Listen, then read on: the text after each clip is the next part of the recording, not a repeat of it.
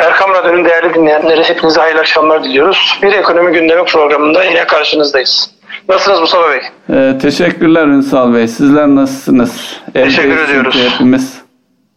Bizler de iyiyiz elhamdülillah. İyi olmaya çalışıyoruz. Ülkemiz ve insanlık iyi olsun diye de dua ediyoruz. Güzel gelecek olan her türlü habere hem dualarımızı hem de yüreğimizdeki umutla bekliyoruz. İnşallah, İnşallah. hayırlar olur. Evet ekonomiyle alakalı olarak yine çok yoğun bir hafta geçti. Yani geçti mi henüz daha bitmedi çünkü dünya piyasaları açık. Şu an devam ediyor dünya piyasaları. Biz e, günlük piyasayı e, aşağı yukarı kapattık. Şimdi burada e, geçen haftanın en önemli konusu benim notlarımın da aslında bakıyorum. E, IMF'nin yayınlamış olduğu dünyanın e, bu sene yani 2020 ve 2021 yılı içerisinde göstereceği performansla alakalı bir rapor var. Şimdi bu rapora göre dünya e, küçülecek. Bu küçülme içerisinde bazı ülkeler daha fazla etkilenecek. İşte Türkiye'de 2020 yılı için %5'lik bir e, küçülme e, hedefi konmuş görünüyor. Öncelikli olarak bu konudaki görüşünüzü alalım. Yani bu küçülme nedir, nereye e, tekabül ediyor? Özellikle bunun geri dönüşü çünkü yaşanan hadiselerin hem psikolojide hem de iş hayatındaki geri dönüşlerin ne zaman olduğu önemli bir başlık. Bu konular bugünlerde fazlasıyla dikkatimizi çekiyor. Siz bu konuda ne dersiniz? Ee, şimdi e, bu dönemde çok sık aralıklarla e, öngörüler yani 2020'ye ilişkin öngörüler yenileniyor.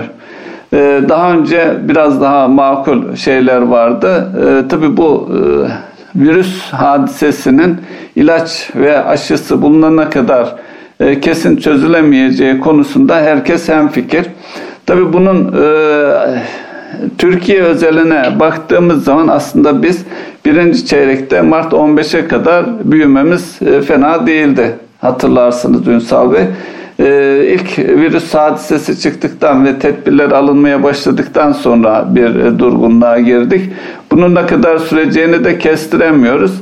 Ama bu her ne kadar bu açıklamalara bakılsa da ben biraz daha iyimser düşünmek istiyorum. Şöyle ki e, Amerika'da şu anda e, ne- neredeyse çok vahim bir noktada virüste boğuşuyorlar ve ciddi e, hasta ve ölü sayıları var. E, hakeza Avrupa'da aynı şekilde e, Trump'ın 3 aşamalı bir e, normale dönüş ekonomiye tekrar başlatma gibi bir alternatif planları sundu ve tartışılıyor. Benzer şekilde Almanya önümüzdeki aydan itibaren okulları açıyor. Ee, tekrar normale dönme için adımlar atıyor. Hakeza kuzey ülkeleri de öyle. Bizde de beklentim yani bizde kesin e, çok e, rigid tedbirler uygulamadık. Yani e, insanlarımız cumartesi pazar hariç ve belli yaş grupları çıkabiliyor. Yani üretim ve tüketimde ne kadar e, azalma olduğunu bir diğer ifadeyle hasar olduğunu bilmiyoruz. E, yani sanki e, ikinci çeyrek sonundan itibaren e, daha net düşünceler, e, fikirler ortaya çıkabilir büyümeyle ilgili diye düşünüyorum.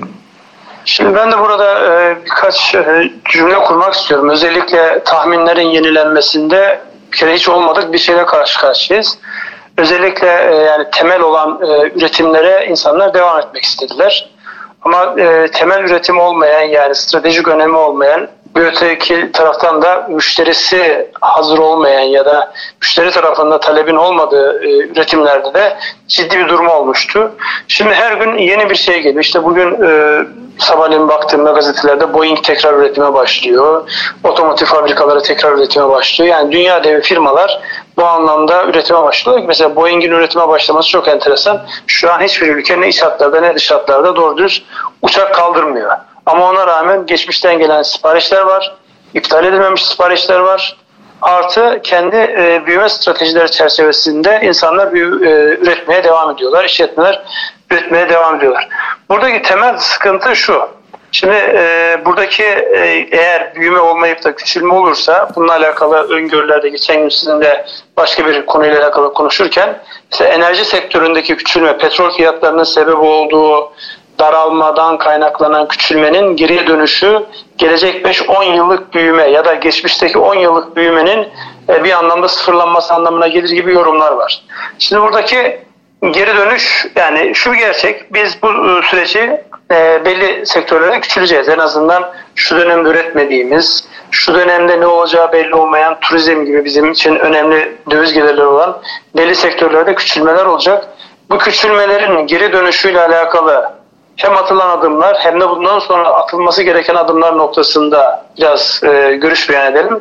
Arkasından da bugünlerde e, yani yine felaket tellallığı ve el olmaza e, doğru götürülen bir şey var. İşte IMF'e mahkum muyuz değil miyiz konusunu biraz konuşmak istiyorum. Buyurunuz. Şimdi e, Ünsal Bey benim dikkatimi çeken şeylerden birisi de siz zikrettiniz. Gerçekten e, şeyin Boeing'in üretime tekrar başlıyor olması e, gerçekten e, pozitif düşünenler için güçlü bir mesaj. Yine e, otomotiv ile ilgili söylediniz. Bizde de otomobil fabrikaları izne çıkmıştı, üretimlerine ara vermişti. Almanya başladı. Özellikle Almanya'da şu dikkatimi çekti.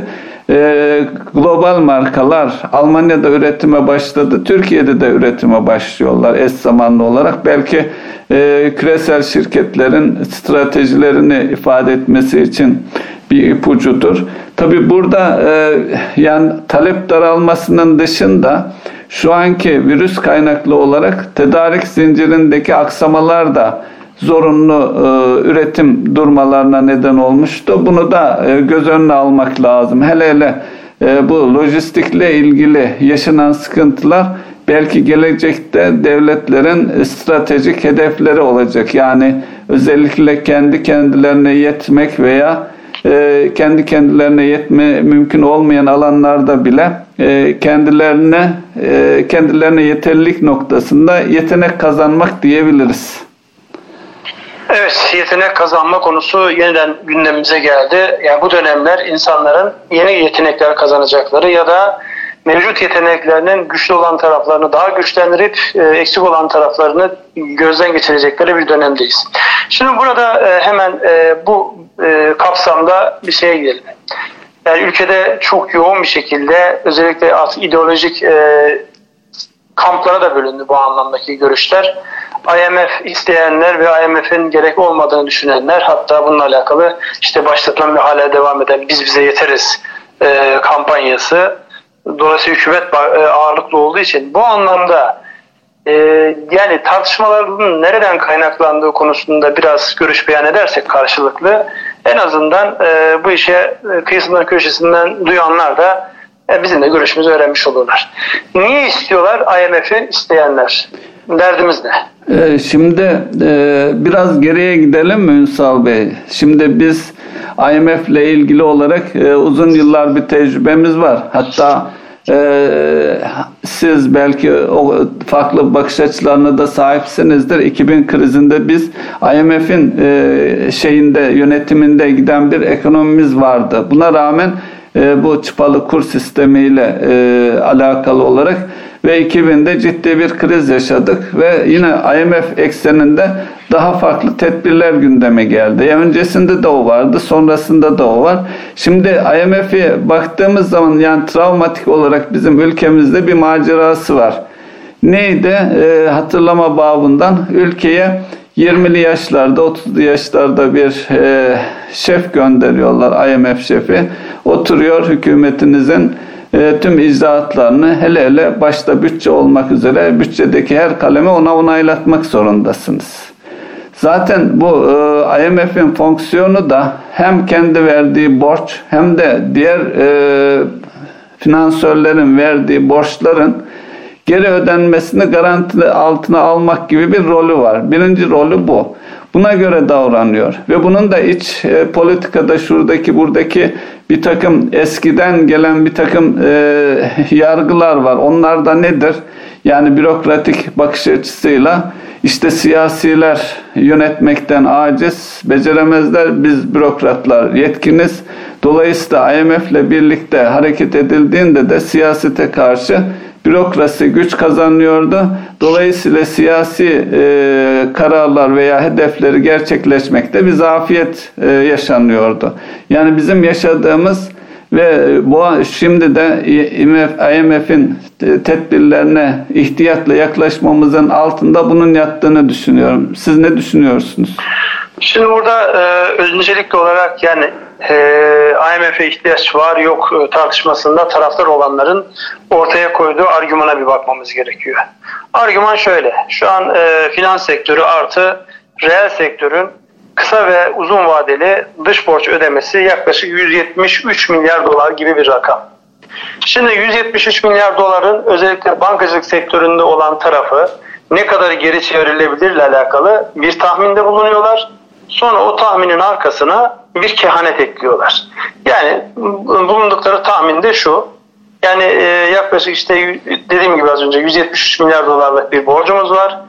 Onun e, önümüzdeki yıl içerisinde e, yani önemli bir kısmının e, çevrilebileceği yani yenilenebileceği noktasında bir argüman var. Orada da yaklaşık %90-93 gibi bir oran öngörüyorlar.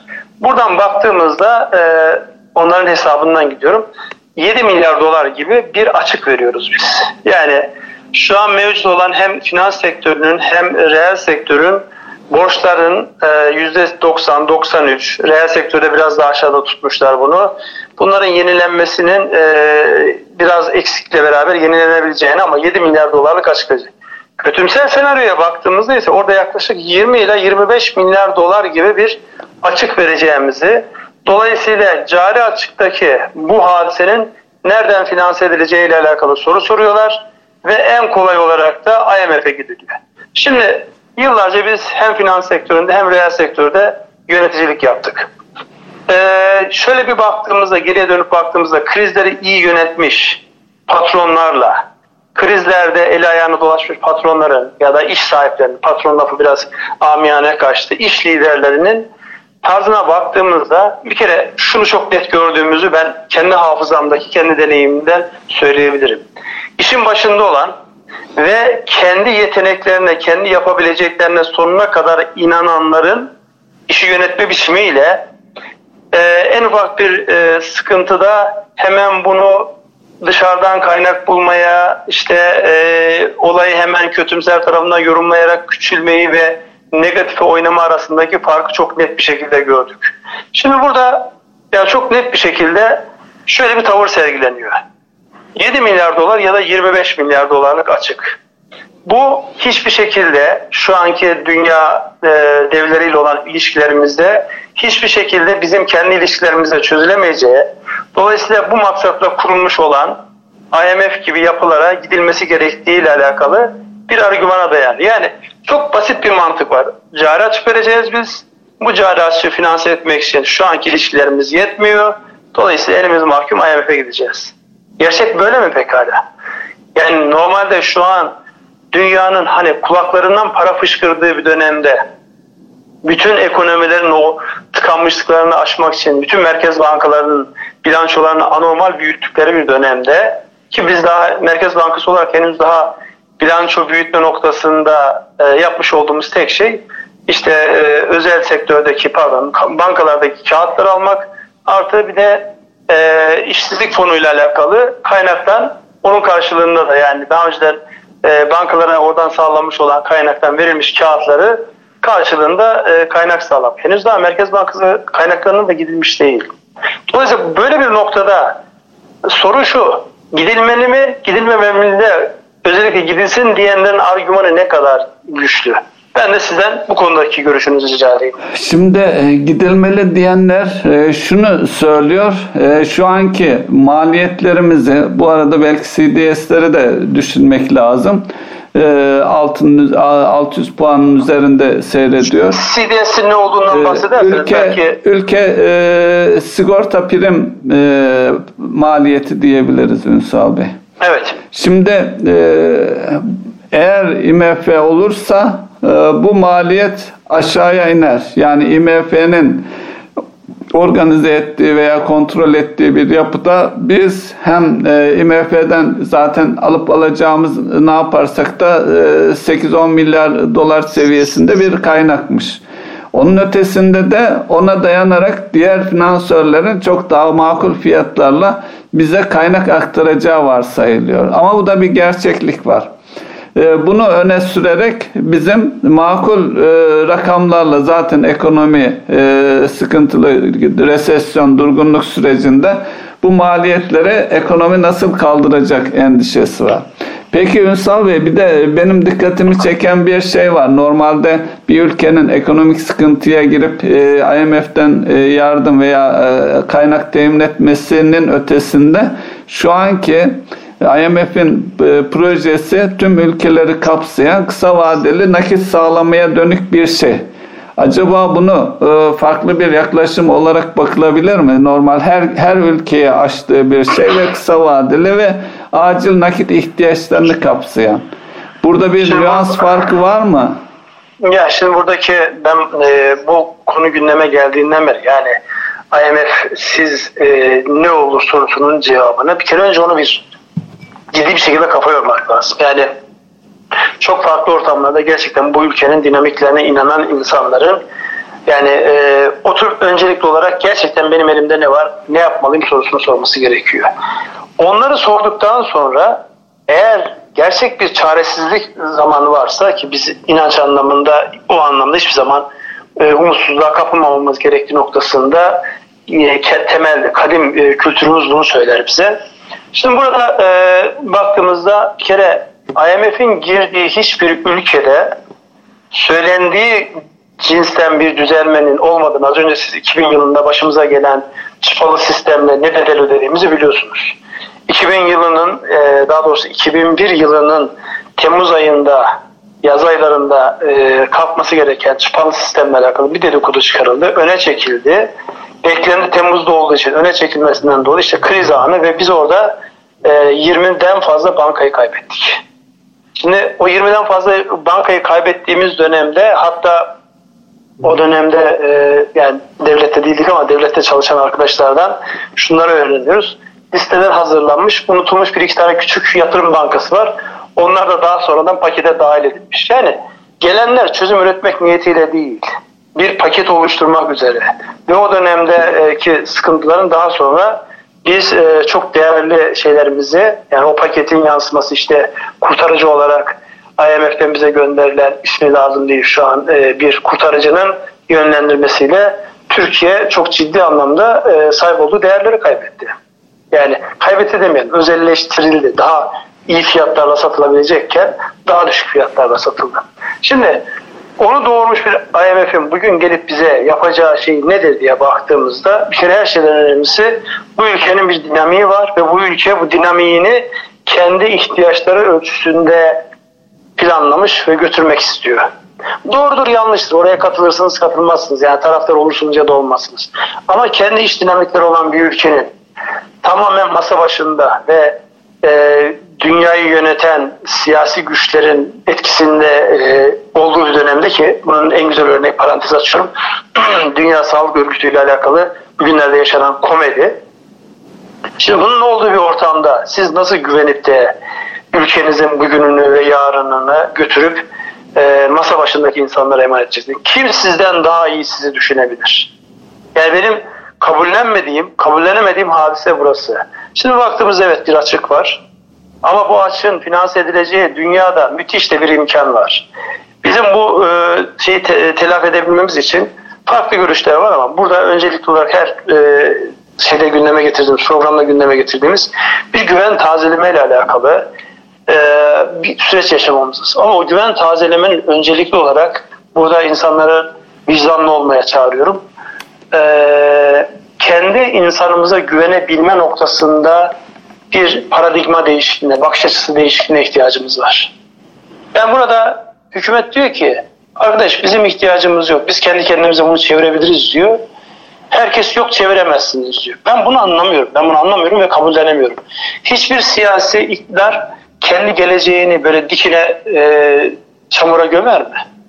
Ama burada söylenenleri yapabiliriz noktasında yani kabul edilmiyor olması, ona yönelik en ufak bir pozitif yaklaşılmıyor olması bu bizim iletişimimizi koparıyor. Ne yapıyor? Bu sefer e, karşı olanların söylediklerinin içerisinde haklı olan cümleler de arada kaynayıp gidiyor. Onun için bizim öncelikli olarak birbirimizi bir dinliyor olmamız lazım. O dinlemeden sonra belki başka şeylere e, oturup karar verebiliriz. Kaldı ki IMF'in de şu an dünyanın hiçbir tarafına derman olabilecek ne gücü var yani ekonomik anlamda acık bedel ödeterek arkasındaki siyasi güçlerin isteği yönündeki adımlarla bir kaynak oluşturulabilir diyorum. Ve bir nefes alayım sonra siz devam edin lütfen. Ee, burada tabii e, aklıma şey geldi bir e, Merkez Bankası eski e, Merkez Bankası Başkan anılarından görüşmelerde yine bu şekilde kaynakla ilgili görüşmelerde o zamanki şeyle Kıbrıs e, harekatı sonrası bir dönem e, Ünsal Bey e, ekonomi konuşuluyor. Soru şu Kıbrıs'ta ne yapacaksınız? Şunu yapacak mısınız? Bunu yapacak mısınız diye. Tabii bu küresel e, yapılarda IMF'dir benzer şeylerdedir. E, paketin içerisinde mutlaka siyasi bir e, şey de vardır. Ya da şöyle düşünebiliriz.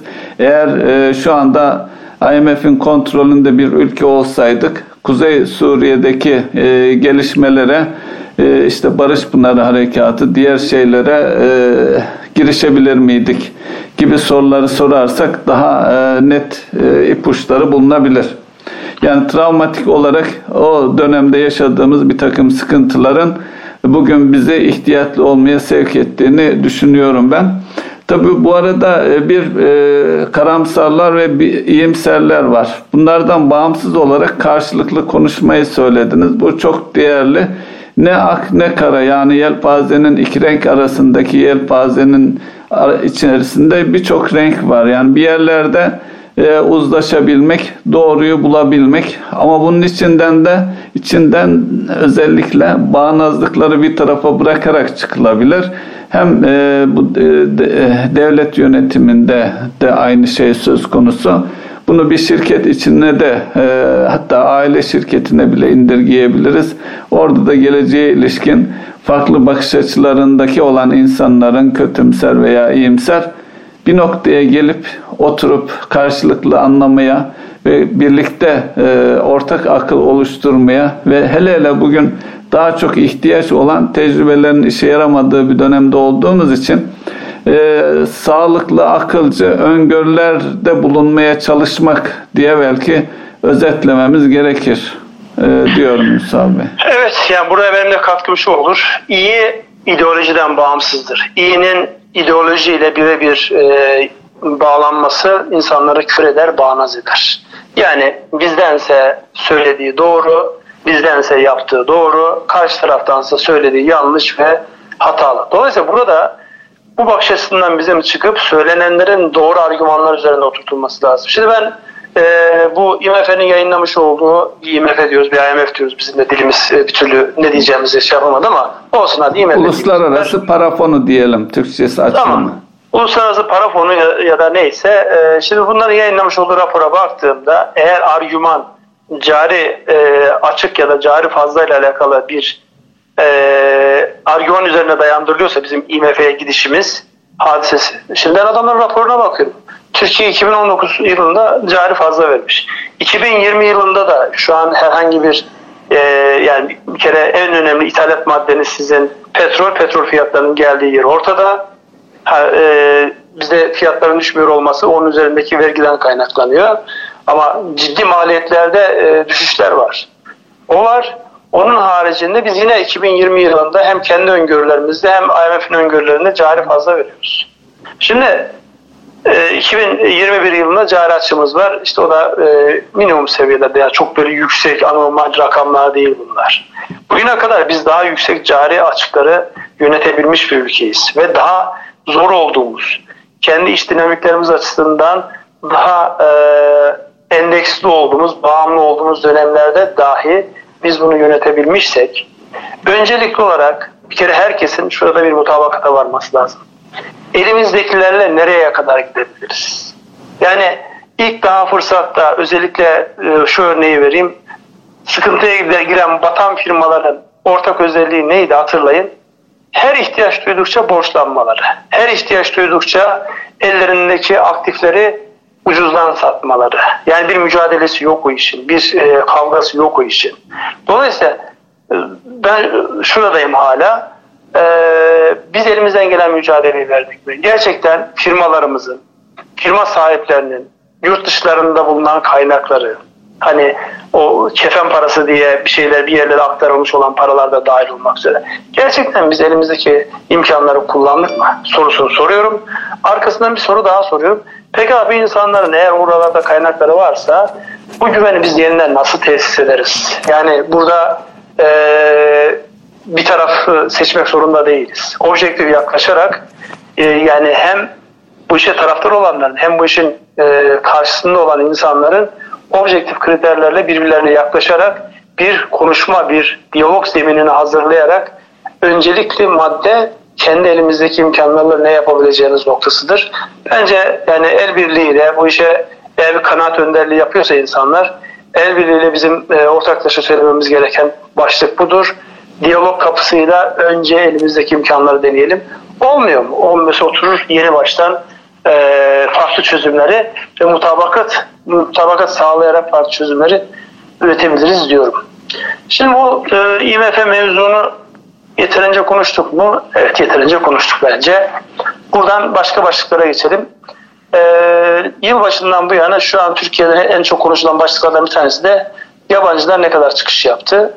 Merkez Bankası verilerine göre baktığımızda yabancıların yılbaşından 10 Nisan'a kadar çıkış rakamı 7,5 milyar dolar. Nereden çıkmışlar?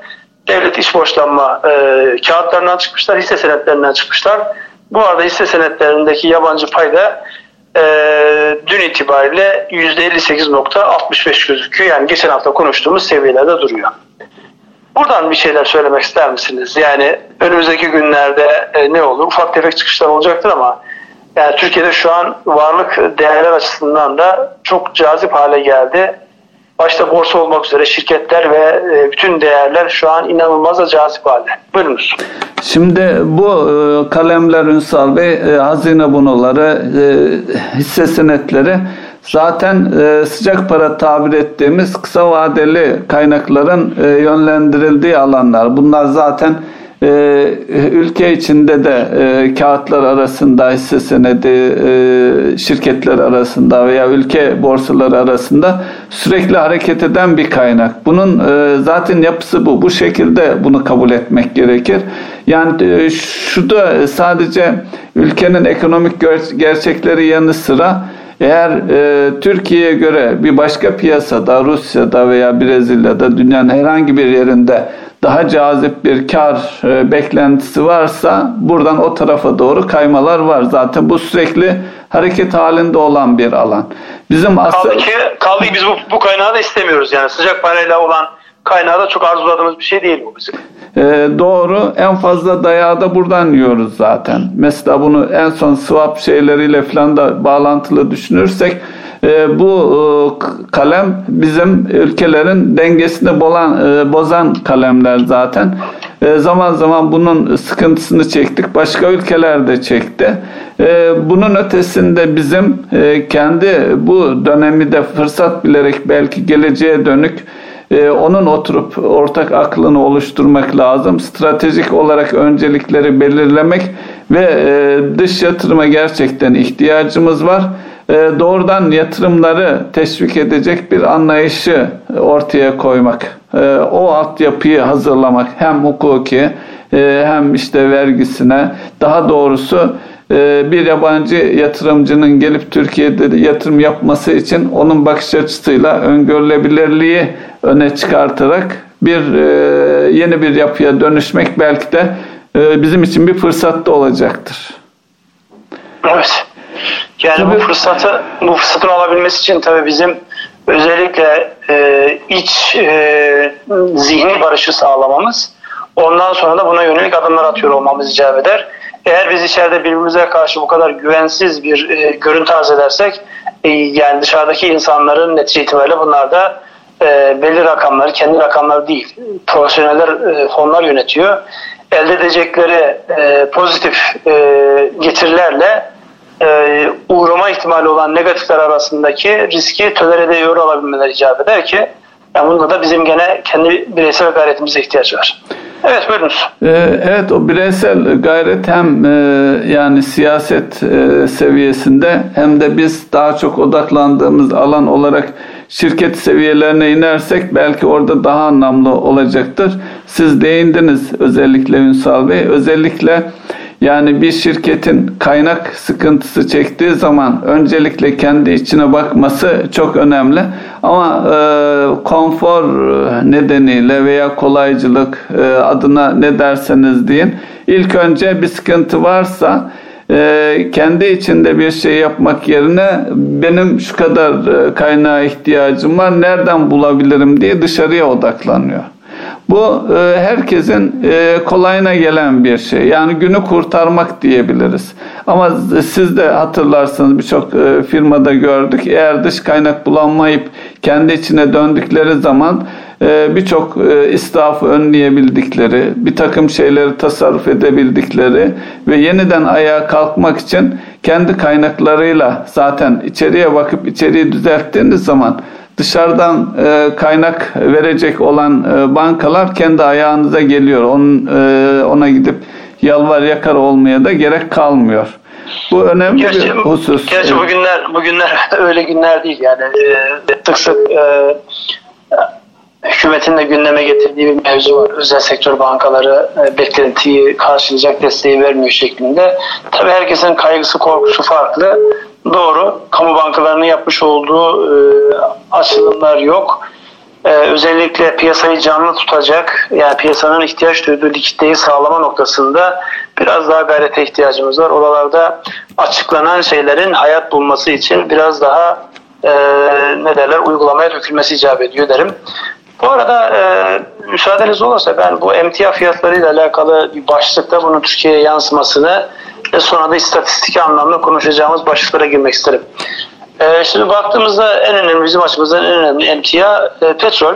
Petrolde e, çok hareketli bir dönem yaşıyoruz. Yani geçen e, günler içerisinde 23 dolarlar gördük Brent petrolde. E, Amerikan tipi NYMEX petrol o e, 20 doların altında yani şu an daha önceden 5-6 dolara geçmezdi aralarındaki fark.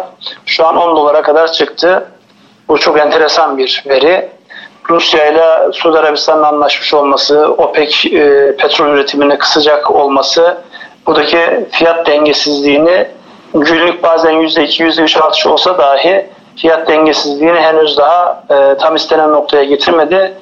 Yıllık olarak baktığımızda Brent petroldeki geriye çekilme %60'lar seviyesinde. Bir diğer başlık bizim açımızdan önemli. Çünkü bu anlamda hem tasarruf sahipleri açısından hem de e, dünyadaki korku endeksinin e, göstergesi anlamında altın fiyatları. Altın fiyatları da bu hafta çok enteresan e, görüntü arz etti. Mesela dün itibariyle 1730 dolarlar seviyesinde olan altın bugün 1700 doların altında 1685-1680 dolarlar seviyesinde bir görüntü arz ediyor. Çok e, sert hareketler var burada. Yani e, altındaki yıllık artışta %32 yani petrolde %60'lık bir gerileme altında yıllık bazda %32'lik bir artışa denk düşüyor. Dolayısıyla bu da yani bir yıl içerisinde e, ticareti açısından, üretim açısından önemli olan petrol fiyatlarının nereye geldiğini bir anlamda korkuyu tolere edecek olan başka bir emtianın fiyatının da nereye geldiğini göstermesi açısından önemli bir başlık diyorum ve topu yine size yuvarlıyorum. Buyurunuz. Tabii petrol fiyatları e, her halükarda bu sene e, çok artmayacağı öngörülebilir. Çünkü e, talep tarafında ciddi düşüşler var. E, şu anda ülkelerin e, özellikle e, enerji ajansının ülkelere tavsiyeleri stratejik stoklarını tamamlamaları yönünde. Yani Petrol üretimi şu anda talebin üzerinde. Dolayısıyla fiyatlarda oldukça makul tabiri caizse kelepir. E, öncelikle bu depoların doldurulması, belki ikinci aşamada büyük tankerlerin depo olarak kullanılması gibi şeyler gündeme geliyor. Ama her halükarda e, talebin artmadığı bir süreçte belki bir süre sonra şu anda ee, OPEC ve diğer ülkeler e, karşılıklı e, üretimin azalmasıyla ilgili pazarlıklar yapılıyor. Belki bir süre sonra e, bu pazarlık pazarlığa gerek kalmadan üretimlerini çıkardıkları petrolü koyacak yer ya da satacakları e, şey alıcı bulamadıkları zaman azaltmak gibi bir sonuca doğru gidecektir. Tabii o arzu edilen bir sonuç değil. Çünkü dünyada derin bir e, resesyonun daha da derinlik kazandığı ve tüm ülkeleri fakirleştirdiği bir süreç. Neticede e, sürdürülebilirlik açısından e, her ne kadar şu anki petrol fiyatları lehimize de görünse ülke olarak çünkü bizim bir taraftan da doğal gaz tarafına bakılırsa doğal gazı da petrole endeksli bir fiyatlamayla alıyoruz. Lehimize de olsa bizim açımızdan da yani neticede tüketmiyoruz. Daha doğrusu üretim e, tarafından bakarsak üretemiyorsak, üretimde kullanamıyorsak çok da bir anlamı kalmıyor. Yani sürdürülebilir bir seviyeye gelmesini bekleyecek tüm dünya e, petrol fiyatlarının. E, diğer emtialarda da e, benzer şeyler yaşanıyor. Tabi orada da emtia de, deyince Ünsal Bey işte altını söylediniz. E, belki altın şu anki kriz nedeniyle ciddi dalgalan, dalgalanmalar var ama diğer bakırdı buna benzer emtiaları bakarsak da dünyanın en büyük üreticisi Çin. Çin'deki ekonominin daha doğrusu Çin'deki üretimin e, ne, yap, ne yönde evrileceğine bağlı ama Çin üretiyor, dünya tüketiyor bir taraftan karşılıklı arz talep çerçevesinde bir süreç. Orada da e, eğer resesyon sürecek olursa orada da fiyatlar gerileyecektir. Onun da ötesinde e, o sektörlerde de tıpkı şeyde olduğu gibi, petrolde olduğu gibi üretim maliyetleri nedeniyle birçok e, maden e, faaliyetini durdurmakla karşı karşıya kalabilir önümüzdeki süreçte. Şimdi emtia dedik de bakır burada önemli bir başlık. Çünkü sanayide en çok e, kullanılan ürünlerden bir tanesi. Bakır fiyatlarında 2016 ile karşılaştırdığımızda yani neredeyse oraya yakın bir dip var. E, bir de bu dip 2008 yılında yaşanmıştı bu Lehman Brothers hadisinden sonra. Asıl böyle bütün emtiaların değerlendirildiği bir e, şey gördüm. E, burada e, IMF'nin yayınlamış olduğu bu raporda. Mesela önümüzdeki e, şeyde bu koronadan etki anlamında herkes bir şekilde eksiye doğru giderken etkilenmeyen iki tane şey var ama bir tanesi çok dikkat çekiyor. Birisi malum buğday. Yani buğday eksiye dönmemiş artıda. Evet. Ee, bir diğeri de herhalde çok mu tükettik? Ne yaptı? Arabica kafe. Yani kahve tüketiminde ciddi bir şey var. Etkilenmeyecek. Hatta burası daha fazla iyi olacak diye bir tahminler var, öngörüler var. Buna bir not olarak e, bir köşeye yazıp geçelim. Kahve enteresan değil mi Ünsal Bey? Tüm dünyada Çok kafeler kahve. kapalı e, ama kahve evet. fiyatları artması ev, ev, ev tipi tüketimde demek çok ciddi bir artış var. Zaten özellikle bu batı tipi yaşam tarzında bütün e, Hollywood filmlerinde ve artık Hollywood'lara da işte her tarafta insanların elinde kocaman bir kova büyüklüğündeki bir nesneyle dolaşarak bizim o narin e, minnacık fincanların yanında onun 10 katı 15 katı büyüklüğündeki kahve tüketimi Demek ki alışkanlıklar bu yönde değişiyor. Dünyanın e, bir taraftan bir tarafa evrileceği ile alakalı da önemli e, işaretler bunlar diyorum. Evet burada e, bir e, başlığımız daha var ama ben ona girmeden önce size istatistik olarak e, yayınlanmış hususlarla alakalı değineceğiniz var mı diye sorayım. Sonra onlara geçelim. Buyurunuz. Şimdi e, istatistiki olarak en önemli istatistik e, konut satışları Ünsal Bey. E, konut satışları Mart ayı istatistikleri yayınlandı. E, tabii Mart'ın e, ortasına kadar e, bölümünde sorun yoktu. İkinci yarısında sıkıntılar çıktı. Burada e, geçen yılın aynı e, ayında 105 bin iken bu ay e, 2020'de 108 bin yani küçük bir artış var. Daha önceki aylarda yüksek bir artış vardı. Burada ipotekli satışlarda %90'lık bir artış var. 22 binden 43 bine çıkmış. Tabi bu ipotekli artışlar üzerinde durmak lazım. E, tabi bir tarafı banka e, finansmanı olduğu için bunun bir süreci var. Dolayısıyla banka kredisi çıkmış bir işlemin her halükarda tamamlanması e, açısından e, ilginç. E, belki Nisan ayı bu içinde bulunduğumuz ayın durumunun ne olacağı e, sorgulanması lazım. Bir de bir analize rastlamıştım. Konut fiyatları da artık eskisi gibi yani e, geçen e, döviz e, şeyinden krizinden beri e, dip fiyatlara diplere inmişti birkaç yıldır. Artık ucuz konutta kalmadı. Bundan sonraki süreçte bunu daha önceki konuşmalarımızda da dile getirmiştik. Stoklar içerisinde makul stok seviye, makul fiyatlı olanlar, büyüklükte olanlar e, stoklarda çok fazla kalmadı.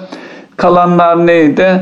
Kalanlar e, işte büyük konutlar ve yeni değerli konut kredisine e, e, muhatap olan konutların satışında bir azalma vardı. E, dolayısıyla bundan sonraki süreçte de her halükarda e, konut e, sektörü e, şuna da bakabiliriz Ünsal Bey canlı olacak diyebiliriz. Niçin canlı olacak? Ee, ekonomiyi ayağa kaldırmak, yeniden harekete geçirmek e, söz konusu olduğunda bunu tüm ülkeler, tüm devletler yapar. Yapacak istihdam açısından istihdamda ciddi e, bir e, büyüklüğe sahip olan inşaat sektörünün, konut sektörünün de ilk desteklenecek sektörler olduğunu düşünüyorum ben şahsen. Tabi bu arada bir de e, deprem etkisini de ülkemizde deprem e, kuşağında ve her zaman her depremden sonra gündeme geliyor. Bizim yenilememiz gereken ciddi bir konut stoğumuz da var. Yine bu şeylere baktığımız zaman e, istatistik içerisinde Yabancı konut, yabancılara da satışlar devam et, etmiş. E, bu ay e, uçaklar gelip gitmediği için e, azalacağını bekliyorum. Yine sıralamada İran, Irak, Rusya ve Afganistan şeklinde e, devam ediyor. E, buradaki bir sıralamada da çok fazla bir değişiklik yok. E, birinci satışlar e, ipotekler içerisinde 14 bine karşılık ikinci elde 29 bin. E, bu detaylara inmemize gerek var mı Ünsal Bey? Yok bence ona gerek şey yok. Olarak. Burada e, benim de özellikle bu konutlarla alakalı bu koronavirüs e, hadisesi başladığından beri iki tane eğilimle alakalı bir yazı okumuştum. O yazıyı not etmişim. Onunla alakalı bahsetmek istedim. Bir tanesi şu insanlar e, tabii normal zamanlarda çok yoğun bir e, dış hayat olduğu için, ev dışı hayat olduğu için dolayısıyla ev dışı e, yaşam tarzı ve ev dışı tüketimler e, bu hep programlarda da konuşuyoruz. Giderek artan, tırmanan bir husustu. Bu dönemde insanlar oturdukları evlerdeki konforları, oturdukları evin bulunduğu lokasyon ve sahip olduğu imkanlarla alakalı psikolojik olarak e, değiştiririm e, noktasında çok sayıda bir eğilimin olduğu ile alakalı bir nottu. Onu hafta içerisinde okumuş olduğum bir yazıda onu not almışım. Diğer bir husus da e, evet ben evi değiştiririm hadisesi ama genç jenerasyonda özellikle 30 yaş altındaki insanlarda yapılan e, anketlerde ya da değerlendirmelerde insanların e, en azından bizim jenerasyon gibi bir şeyin sahibi olmak yerine kiralayarak oranın konforundan, imkanlarından yararlanmayı daha kendiler açısından e, keyifli olduğunu yani bu konformist yaklaşımın e, insan düşünce biçimine de böyle bir yansıması var. Dolayısıyla önümüzdeki dönemde belki bireysel anlamda konut talepleri farklılaşacak, belki azalacak ama bu insanların yaşamak için, kiralamak için konutlara ihtiyaç var. Belki batıdaki gibi şirketlerin sahibi olduğu çok geniş konut imkanları e, ya da e, o tip yapılanmalara gidilecek. E, hatırlarsanız bu son dönemde özellikle bu geçici süreyle kullanılan ya da belli ihtiyaçlara kullanılan ofislerin sayısında çok ciddi bir artış vardı. Ciddi de bir iş görüyordu o. Dolayısıyla psikolojik olarak insanların davranışlarında farklı taraflara doğru hem sosyolojik hem psikolojik değişiklikler var. Konutlar bunlardan da etkilenecek. Kriz dönemindeki en büyük unsurlardan bir tanesi korona sebebiyle evini değiştirmek isteyen ya da daha bu anlamda imkan olan evlere geçmek isteyen insanların sayısında da ciddi bir artışın olduğuna dair bir not almışım e, kendi haftalık değerlendirmelerim içerisinde. Ünsal evet, Bey bunu, bunu destekleyen birkaç e, şeyde görüşte ben aktarmak isterim. Şöyle ki bu korona nedeniyle birçok sektörde özellikle hizmet sektörü, finanstı, buna benzer e, IT, bilişim sektörleri gibi evden çalışma, uzaktan çalışma söz konusu oldu. Şimdi tabii evden çalışma deyince e, evde de artık gelecekte e, konutların iç dizaynı olarak e, insanların oturduğu evden çalışması cazip hale gelebilecek. Yani şirketler büyük ofis alanları, işte servisler, yemekler, şunlar bunlar bu maliyetlerden de kurtulabileceğinin ipuçlarını gördüler iş adamları, e, yöneticiler. Dolayısıyla e, dönüşte de siz evde çalışmaya devam edin diyebileceği veya e, eleman ararken bizim İK tarafıyla da ilgili düşünüyorum. E, home office çalışacak finansman e, yöneticisi işte şu bu diye talepler gelecektir. Bunun eve yansıması ise evlerde insanların e, ev ortamından yani çocuklardan izole edilmiş çalışma odalarına ihtiyacı olacağı öngörülüyor. Yani her halükarda ev planları da belki şu anda mimarların da üzerinde düşünmeye, e, çalışmaya başladıkları veya başlamaları gerekir bu. Önemli bir unsur. Hem iç dizaynı hem de bu e, sokağa çıkma e, yasakları nedeniyle oturdukları evin konumu ve çevresi, bahçesi de önem kazanmaya başladı. Ben de katılıyorum. Ciddi bir dönüşüm olacak ve yeni talepler ortaya çıkacaktır. Evet, yeni talepler ortaya çıkacak. Ben bu arada hemen e, şeye geçeyim. Yine notlarımız arasında şu var. Yani günlük değerlendirmelerden olabildiğince kaçınmaya çalışıyoruz ama bu günler günlük değerlendirmeler ve günlük tartışmaların yoğun olduğu günler.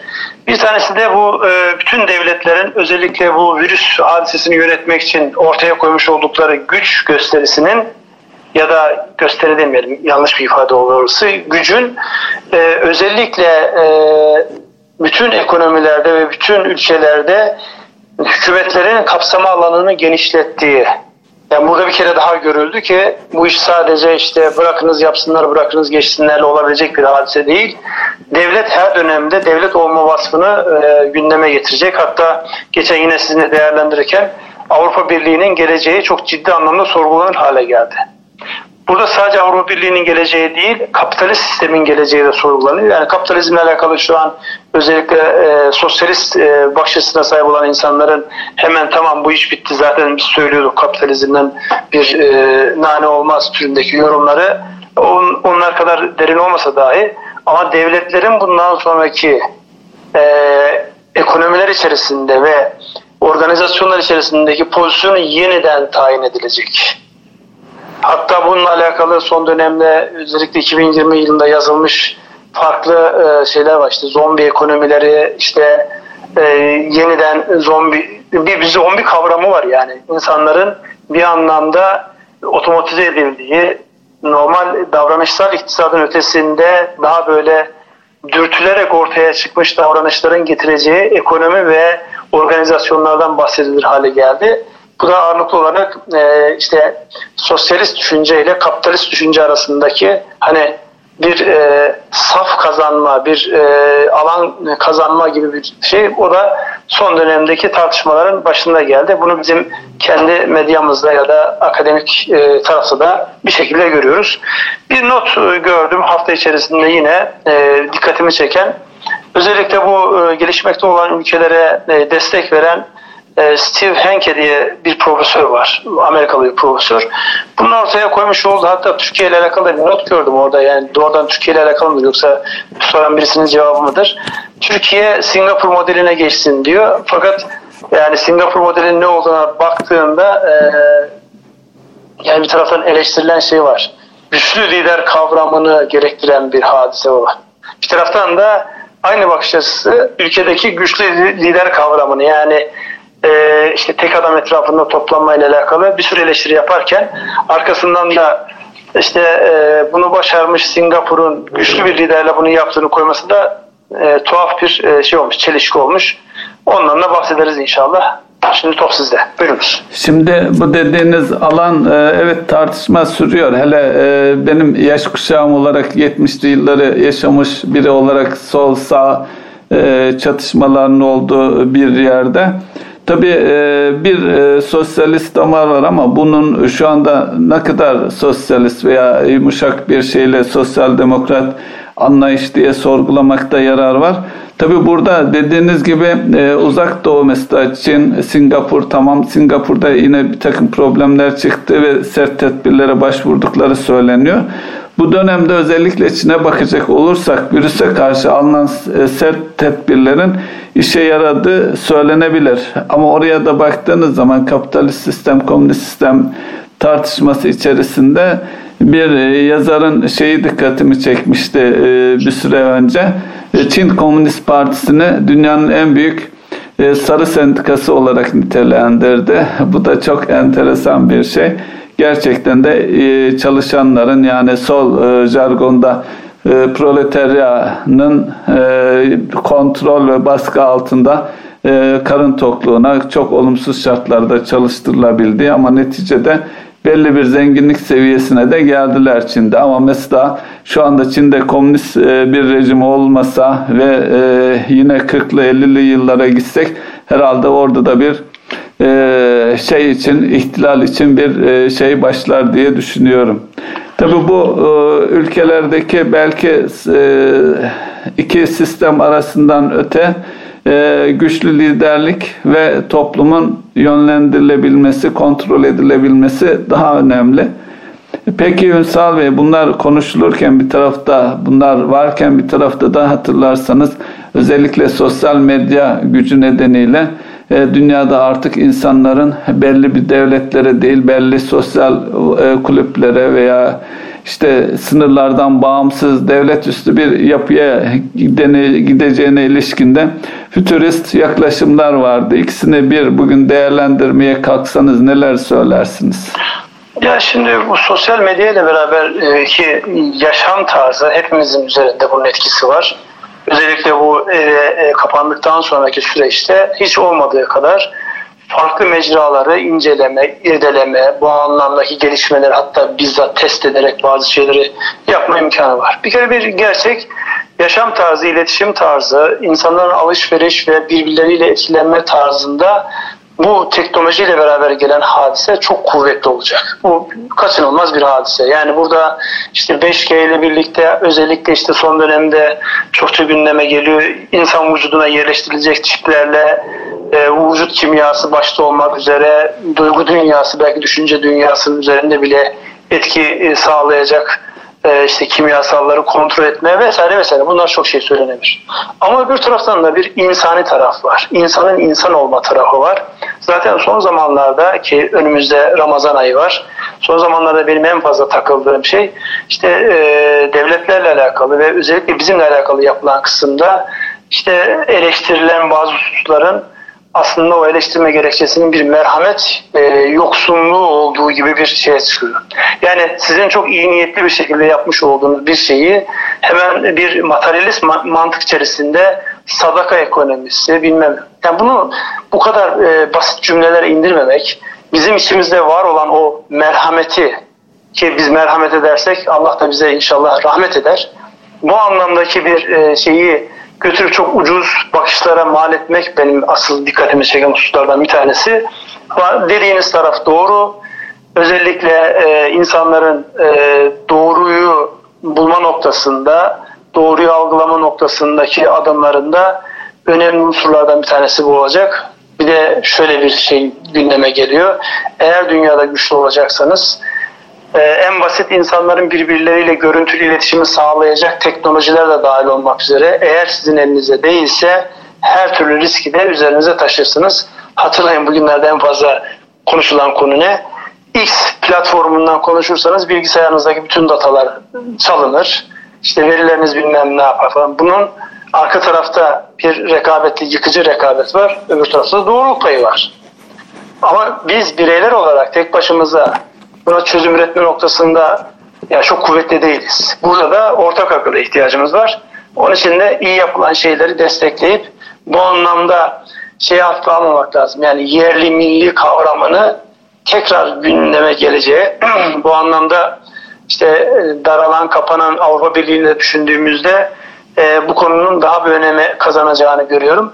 Yani devlet hiçbir zaman gücünü kaybetmez. Şekil değiştirir, araçlar değişir. Bu kanaatteyim son cümle olarak. Ee, evet haklısınız. Yani e, yeni ajandalarımızın olması gerekiyor. Bu zaten her ülke ajandası olacak. Bu e, kendine yeterlilik e, şeyi yani bugün biz bize yeterim Türkiye'm düşüncesi sadece bugünkü finansal yardımlaşmanın ötesinde bizim teknolojik olarak, bilimsel olarak özellikle aşı çok konuşuluyor. İşte aşı üretimimiz yıllar önce biz terk etmişiz filan. Bunların hepsi ajandaya ilave edilecek şeylerden bir tanesi. Tabii bir de burada Ramazan iklimiyle ilgili merhamet konusuna değindiniz. Ünsal Bey benim de dikkatimi çeken şöyle bir şey var. Bir de e, hümanizm işte iyilik yani biraz yapmacık bir süreç var. Özellikle son yıllarda e, görünür bir şekilde hayvanlara yönelik, sokak hayvanlarına yönelik bir yaklaşım vardı. İşte beslemek, yemek e, koymak, mama koymak, su koymak gibi. Ancak şu son birkaç haftalık kriz döneminde sizin de dikkatinizi çekmiştir. İnsanlar kendi cins hayvanlarını işte kedidir, köpektir neyse e, virüs korkusuyla ilgi, e, bağlantılı olarak sokağa terk ettikleri. Yani her ne kadar insanlar bunu öne çıkıyor, çıkarıyor olsa da bu kendi e, sosyologlar, psikologlar nasıl izah eder bilmiyorum ama yine orada da bir narsizm oldu. Yani seveceksen bile kendi hayvanımı severim. E, o da benim için risk olursa hiç gözün yaşına bakmam, sokağa terk ederim gibi düşüncelere sahip de bir toplumun bir kitlesi var. E, bu da son e, bencillik veya narsizmle e, bağlantılı olarak büyüdüğünü sanıyorum. E, benim düşüncelerim de bunlar. Vallahi iki tane başlık var. Bir tanesi ahiret inancı. Yani her yapılanın iyinin de kötünün de hesabının karşılığının olacağına dair inanç insanların içerisinden Rabbim almasın. İkincisi de merhamet tarafı. Yani biz ekonomiyi toparlayacak olursak önümüzdeki dönemde teknoloji tarafı ve insanın teknolojiye bağlı olarak e, davranış biçimleri ortaya çıkacak. Öbür taraftan da gerçek anlamda yani e, hani birisine e, son dönemde tartıştığımız meselelerden bir tanesi. Birisi dürüst olması ön plana çıkıyor. Halbuki dürüst asli şartlardan bir tanesiydi. Ama zaman içerisinde bu erdem haline dönüştü. İnşallah bütün insani olan şeylerin yani ekstra bir erdem değil zorunlu e, bir unsur olması gereken dönemde gideriz diye bir temennide bulunmuş olayım. Bu arada e, farkında mısınız bilmiyorum. Son bir dakikamız. Evet. Son bir dakikayı e, aktarmak istediğiniz bir şeyler varsa onlara değinelim. Yoksa e, bugün de bu şekilde e, kapatalım derim. Buyurunuz. Ünsal Bey geçen e, Cuma günü hatırlarsanız 9'da e, çok e, sokağa çıkma yasağı ilan edildi ve hoş olmayan görüntüler yansıdı. E, bu akşam da bu gece de aynı şey söz konusu. Dolayısıyla o kurallara mesafeydi, hükümetin, otoritenin ilan ettiği kurallara sıkı sıkıya sahip, sadakat göstermemiz, uymamız bizim ve geleceğimiz için çok elzem önemli. Bunun altını çizmek isterim. Yani özetle diyorsun ki evde kal Türkiye'm diyorsun değil mi? Evet. Evet evde kal ve kurallara uy Türkiye'm. Ee, ancak bu şekilde inşallah e, pozitif sonuçları da göreceğimiz yani ivmenin aşağı doğru döneceği günleri de göreceğiz diyoruz. İnşallah. Erkan Radyo'nun değerli dinleyenleri bir ekonomi gündemi programının daha sonuna geldik. Sürçülisan eylediysek affola. Farklı konulara kendi e, çerçevemizden, perspektifimizden bakmaya çalıştık. İnşallah faydalı olmuştur. Hepinize hayırlı akşamlar, sağlıklı, güzel günler diliyoruz. Buyurun. Hayırlı akşamlar.